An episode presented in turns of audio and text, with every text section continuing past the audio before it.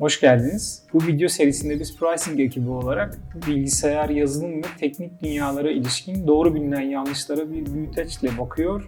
E, güncel olay ve haberleri e, bir miktar irdeliyoruz. Merhaba Kaan. Merhaba abi. Bugün yalnızsın. Ahmet aramızda yok.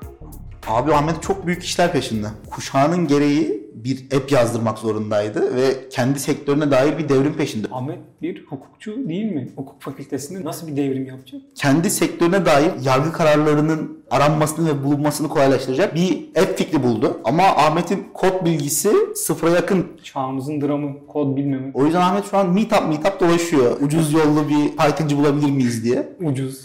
Tanzim Python'cı. Tanzim Python'cı. 2 kilo Python. Bana şey diye sordu. Nereden bulabilirim ben bu şey ucuza Python'cıları diye sordu. Ben dedim Starbucks'ta metinin üzerinde sticker olanlara yaklaş. Kulaklarına usulca bu hukuk işleri Python'da nasıl oluyor falan diye. Usulca yaklaş. Sapık gibi.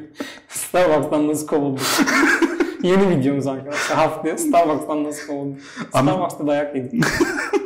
Ya kariyerin ilk davasını Starbucks'a açabilir öyle düşünüyorum. Doğru.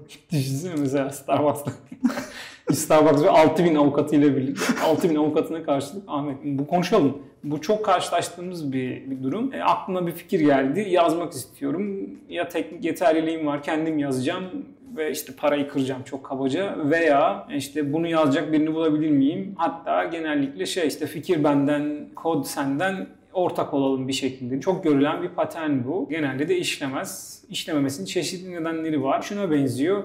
Amiyane çok avam bir örnek ama benim bir tekel bayi açma fikrim var. Gel sen tekel bayinin zorluklarını üstlen, dükkanı kirala, içini boya, rafları al, e, malzemeciyle konuş, ürünleri getirecek toptancıyla konuş, ürünler gelsin, kamyondan indir, raflara diz, yazar kasanın başında dur, alışverişi yap ama fikir benden, dolayısıyla ortak olalım. İşin iki tane farklı zorluğu. Ahmet'in peşinde koştuğu şey şu an. Çok orijinal bir fikir. Benim oralardaki bilgim az ama bildiğim kadar anlatayım. Hukukta belli kanunlar var ve belli yargı kararları var. Kanunlar aranabilen şeyler. Arayıp bulabiliyorsun. Kitapları var metinler var. Yargıtay kararları çeşit çeşit dosyalarda, çeşit çeşit yerlerde bir arada değiller. Ve hani çok orijinal bir fikir olduğunu da düşünmüyorum. Şeyler var çünkü ben hani App Store'da görüyorum. Yargıtay kararı arayan çeşitli app'ler var. Böyle domain spesifik app'ler yani alana özgü app'ler yaygınlaşıyor. Örneğin tıpçılar için anatomi app'leri var. Ee, işte hukukçular için bu tarz e, Yargıtay kararı arama app'leri var, kanun tarama app'leri var. Bir sürü bir sürü böyle çeşit uygulamalar görüyorum.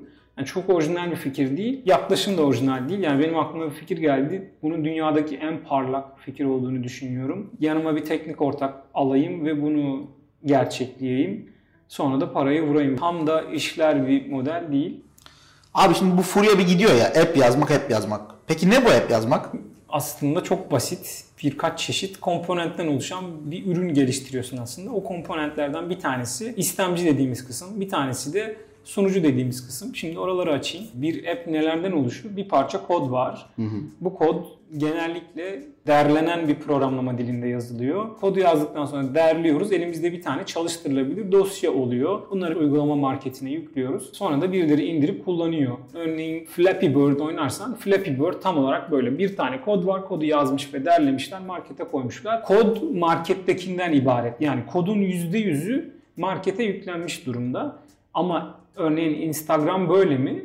ya da işte WhatsApp böyle mi, Facebook böyle mi, Google böyle mi diye baktığımızda onların Instagram'ın kodunun %100'ü Marketplace'teki, App Store'daki koddan ibaret değil. Onun bir de arka tarafta bağlandığı, arka tarafta bir işlemler yaptığı çok kabaca başka kodlar var. Şöyle ki Instagram'a bu telefondan login olduğunda kendi fotoğraflarını görüyorsun. Sonra gidip başka bir telefondan yine kendi hesabına uygulamaya login olduğunda yine kendi fotoğraflarını, kendi hesabını görüyorsun.